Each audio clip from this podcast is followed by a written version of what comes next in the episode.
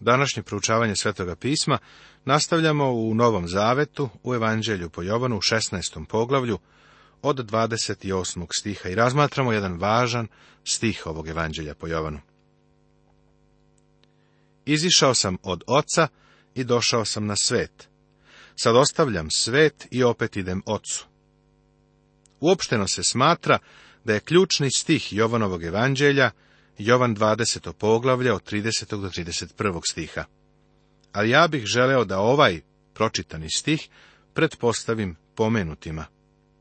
Večni sin je došao na svet iz jednog razloga, da izbavi čovek. Kada je misija bila završena, on se vratio ocu. Ovo je akcija u Jovanovom evanđelju. On je naslikao crnu sliku nastupajućeg progonstva, ali ovo poglavlje završava pobedom. Ovaj stih je veći od Vitlejema i širi od svemira. Doseže u samu večnost, iza granica prostora, sve do trona Božjega. Zatim nam govori o ovih nekoliko trenutaka koje je on proveo na ovoj zemlji. Isus je došao iz večnosti i u večnost se vratio.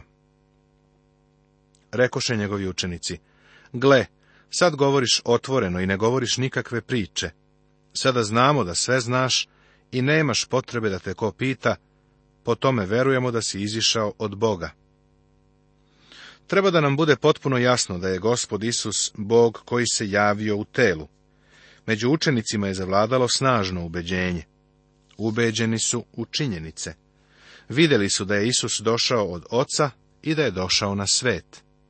On je Mesija, on je spasitelj kakav je i tvrdio da jeste. Međutim, oni još uvek ne razumiju tamne vode smrti, kroz koje on mora proći, niti vrata vaskrsenja i vaznesenja za povratak u očevu slavu. Još uvek to sasvim ne shvataju. Ali i posle ovih 2000 godina, da li mi razumemo?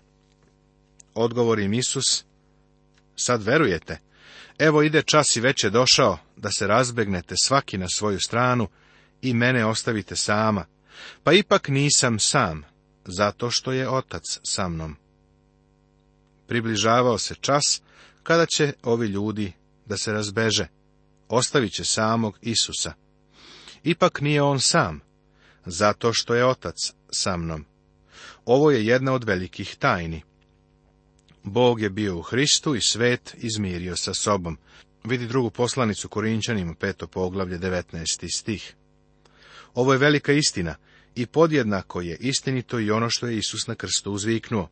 Bože moj, Bože moj, zašto si me ostavio što je zapisano u Evanđelju po Marku 15. poglavlju? Što je inače citiranje psalma 22. Evo objašnjenja. Sveti koji živiš u pohvalama Izraeljevim. Prijatelju, Isus Hristos je za nas učinjen grehom. Ipak, baš u tom trenutku, Bog je bio u Hristu izmirio svet sa sobom. Ovo je tajna koju ljudski um ne može razumeti. Prijatelju, naš mozak nije dovoljan da shvati otkupljenje koje je Isus izvojevao na krstu.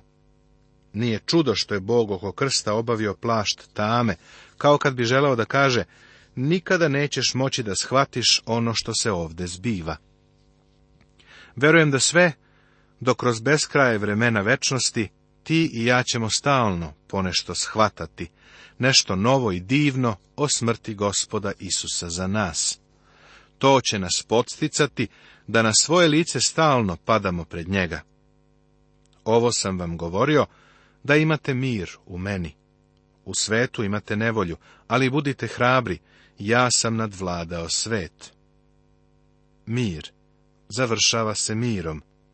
Božje dete može imati mir u ovom životu, jer mir nalazimo samo u Hristu, i nigde drugde. U crkvi nećeš naći mir. Ni u hrišćanskoj službi nećeš naći mir. Mir nalazimo jedino u Isusu Hristu. U svetu imate nevolju. Gospod je to tako jasno rekao. U svetu nema mira, samo nevolje. Bio je u pravu, zar ne? Ali on je nadvladao svet. Njegova pobeda je i naša pobeda. Danas tako mnogo slušamo o pobedonosnom životu. Jedan jedini koji je živeo pobedonosnim životom bio je Hristos. Ti i ja tako ne možemo živeti. Samo mu možemo dozvoliti da on živi u nama. To je sve. Kada ti i ja naučimo da se poistovećujemo sa njim i da sa njim uspostavimo blisku zajednicu, tada ćemo početi da u svom srcu doživljavamo Boži mir ćemo dobrog raspoloženja. U svetu ima nevolja, ali će u našem srcu biti radost.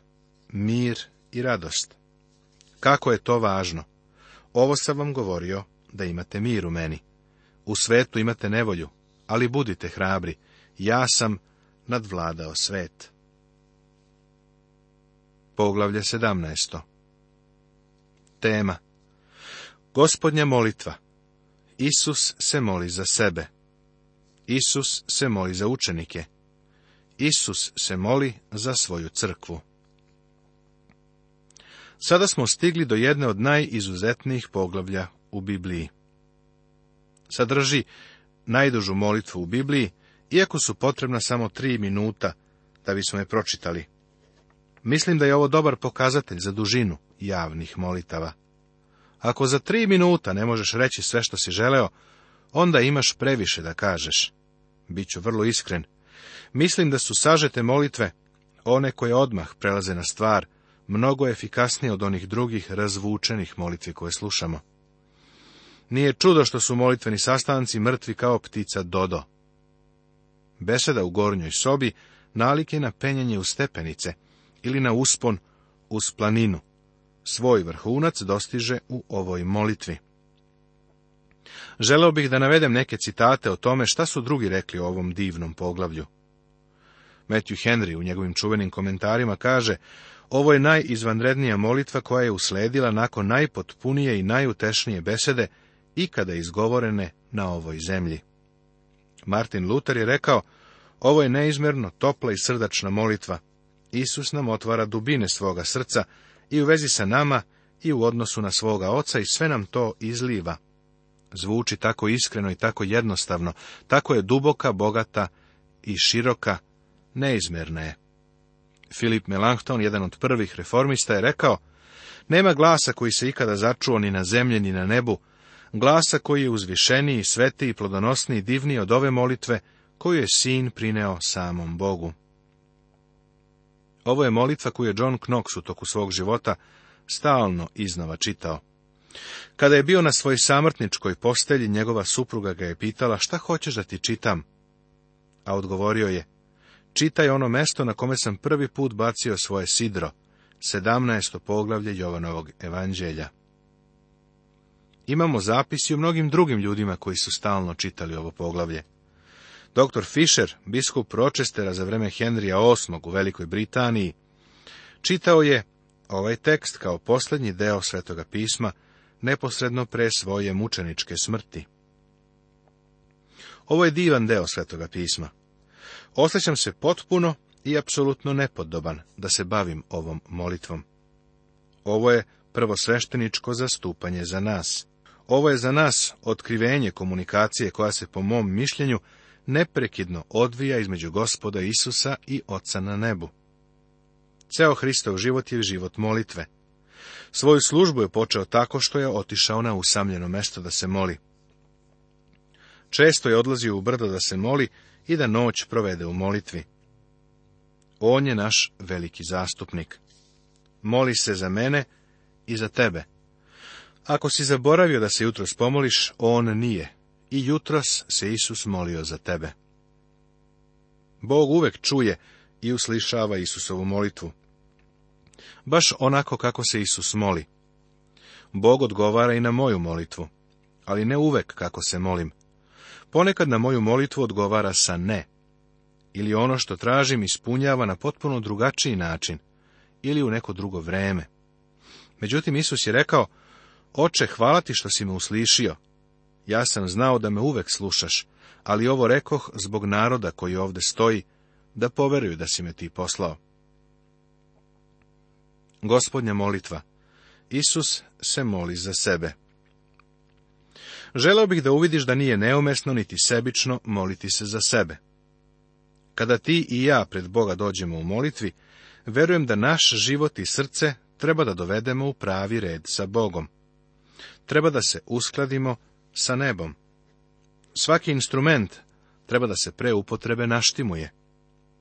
Pre nego što ti i ja počnemo da se molimo za druge, treba da se pomolimo i za sebe. To nije sebično, nego je od suštinske važnosti. Isus izgovori ovo, pa podiže svoje oči k nebu i reče, Oče, došao je čas, proslavi svoga sina, da sin proslavi tebe. Isus izgovori ovo. Šta je to ovo? Poglavlja koja smo već pročitali, to je od 13. do 16. poglavlja. Sada on prestaje da govori učenicima i počinje da govori ocu. Iako se u ovom poglavlju obraća ocu, on mu se obraća radi njihovog dobra, kao i radi našega. On je danas naš veliki zastupnik. Možda se pitamo zašta se moli. Pa evo zašta. Ovdje ćemo to vidjeti. Ovo je gospodnja molitva, molitva koju Isus upućuje ocu. Molitva u propovedi na gori nije stvarno gospodnja molitva. To je molitva koju je on učio učenike da se mole. Kada Isus počne rečima oče naš, on misli na sve vernike. Međutim, Isus Boga u drugom smislu naziva ocem. Nakon svoga vaskrsenja Isus je rekao Mariji, ne dotiči me, jer još nisam otišao gore ocu. Nego idi do moje braće i reci im, ja idem gore svome ocu i ocu vašem, svome Bogu i Bogu vašem. Jovan 20. poglavlje. Drugim rečima, još nisam otišao vašem ocu, vašem po nanovom rođenju i mome ocu, mome zbog moga položaja u trojstvu. Također, gospodnja molitva nikako ne može biti ovo, i oprosti nam dugove naše, greh je naše. On nikada nije zgrešio. Ovu molitvu nije mogao moliti.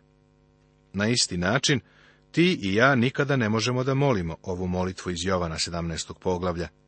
Ovo je Hristova molitva.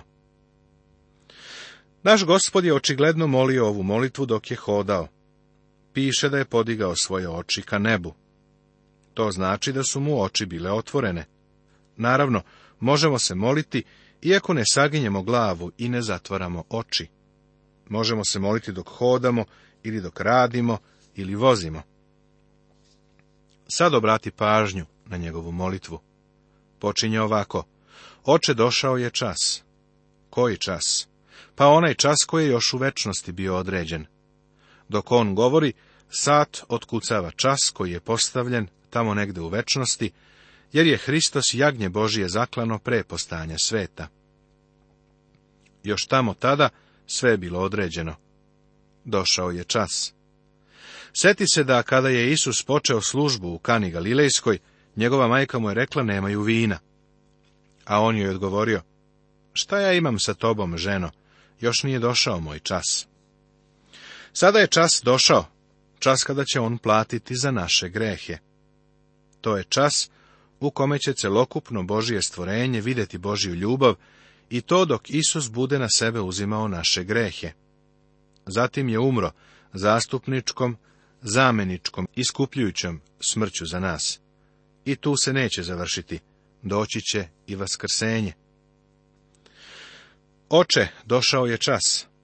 Proslavi svoga sina, da i sin proslavi tebe.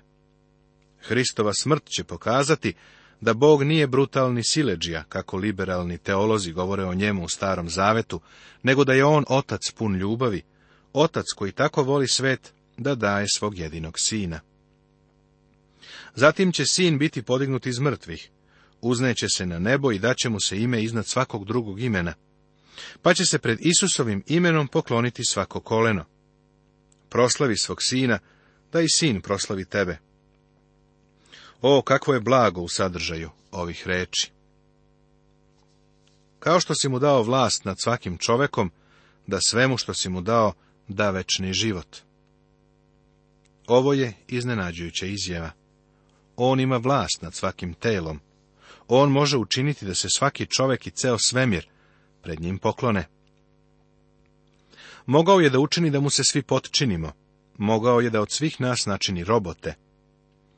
Iako je to posljednje što bi on želeo da učini, ipak ima vlast nad svakim telom. Crkva je dar Božje ljubavi Isusu Hristu. Tako, on večni život daje svemu što mu je dato, on izaziva pitanje izbora i slobodne volje, a ja ne bih želeo da se ova tema proširi. Postoje ekstremni kalvinisti i ekstremni armenijanisti. Istina je verovatno negde na sredini. Kada bi mi Bog nekako otkrio ko su izabrani, ja bih samo njima propovedao evanđelje. Ali Bog to ne čini. On je rekao da može doći kogod želi. Ovo je pravosnažna ponuda upućena svakoj osobi nemaš nikakav izgovor ako ne želiš da dođeš Hristu. Činjenica da si odbacio Božiju ponudu će biti tvoja osuda. A ovo je večni život, da poznaju tebe, jedinoga pravoga Boga i Isusa Hrista, koga si poslao. Da li izbor isključuje neke ljude? Ne. Večni život je da upoznaju jedinog istinitog Boga i Isusa Hrista, koga je On poslao. Imaš li želju da upoznaš Boga, Isusa Hrista? Onda nisi isključen. Mora biti da si jedan od izabranih. On daje večni život onima koji su čuli poziv i u svom srcu na njega odgovorili. Da poznaju tebe. Nije dakle u pitanju količina znanja koju posjeduješ, nego vrsta znanja. To je važno. Važno je koga poznaješ. Poznaješ li Isusa Hrista? Na neki način nije u pitanju ni količina vere koju imaš, nego je važna vrsta vere. Ima jedna pesma koja se zove Samo veruj. Samo veruj u šta? Samo veruj u jednog jedinog gospoda Isusa Hrista. Ponovo ću citirati propovednika Spurđena. Ne spasavate radost koju imaš u Hristu, spasavate Hristos. Nije u pitanju tvoja vera u Hrista, iako će ona biti instrument. U pitanju je Hristova krv i žrtva. Hristos spasava. Čovek može verovati u nešto pogrešno. Važan je objekat vere. A ovo je večni život, da poznaju tebe, jedinog pravoga Boga Isusa Hrista, koga si poslao. Vera dolazi od slušanja i to slušanja Božje reči. Šta Božja reč kaže? Evanđelje je ovo. Isus Hristos je umro za naše grehe, bio je pokopan i opet je ustao. To su činjenice. Naše poznavanje činjenica i naša reakcija na to znanje predstavljaju veru. Vera je pouzdanje u Hrista kao našeg spasitelja. Večni život je upoznati Boga i upoznati Isusa Hrista. Isus je njegovo ime koje ima kao spasitelj, a Hristos je njegova titula, Mesija, car Izraelov. Znati njega znači rasti u blagodati i u poznanju Hrista. Kada napredujemo u poznavanju gospoda Isusa Hrista, dolazimo do sigurnosti. Čovek bez sigurnosti spasenja ili nije spasen, ili je samo beba u Hristu. Takav čovek treba da napreduje do mesta gde će znati da je spasen. Večni život jeste poznavati jedinog pravog Boga i poznavati Isusa Hrista. Zato je proučavanje Božje reči tako važno. Mnogi ljudi su samo na granici, pa nisu sigurni da li su spaseni. Ja te proslavih na zemlji, svrših delo koje si mi dao da učinim. Gospod Isus uručuje ocu ovaj posljednji izveštaj. Još nije umro na krstu, ali, bar što se tiče Boga, on o onome što se još nije desilo govori kao da jeste. Buduće vreme je za Boga podjednako precizno kao i prošlo.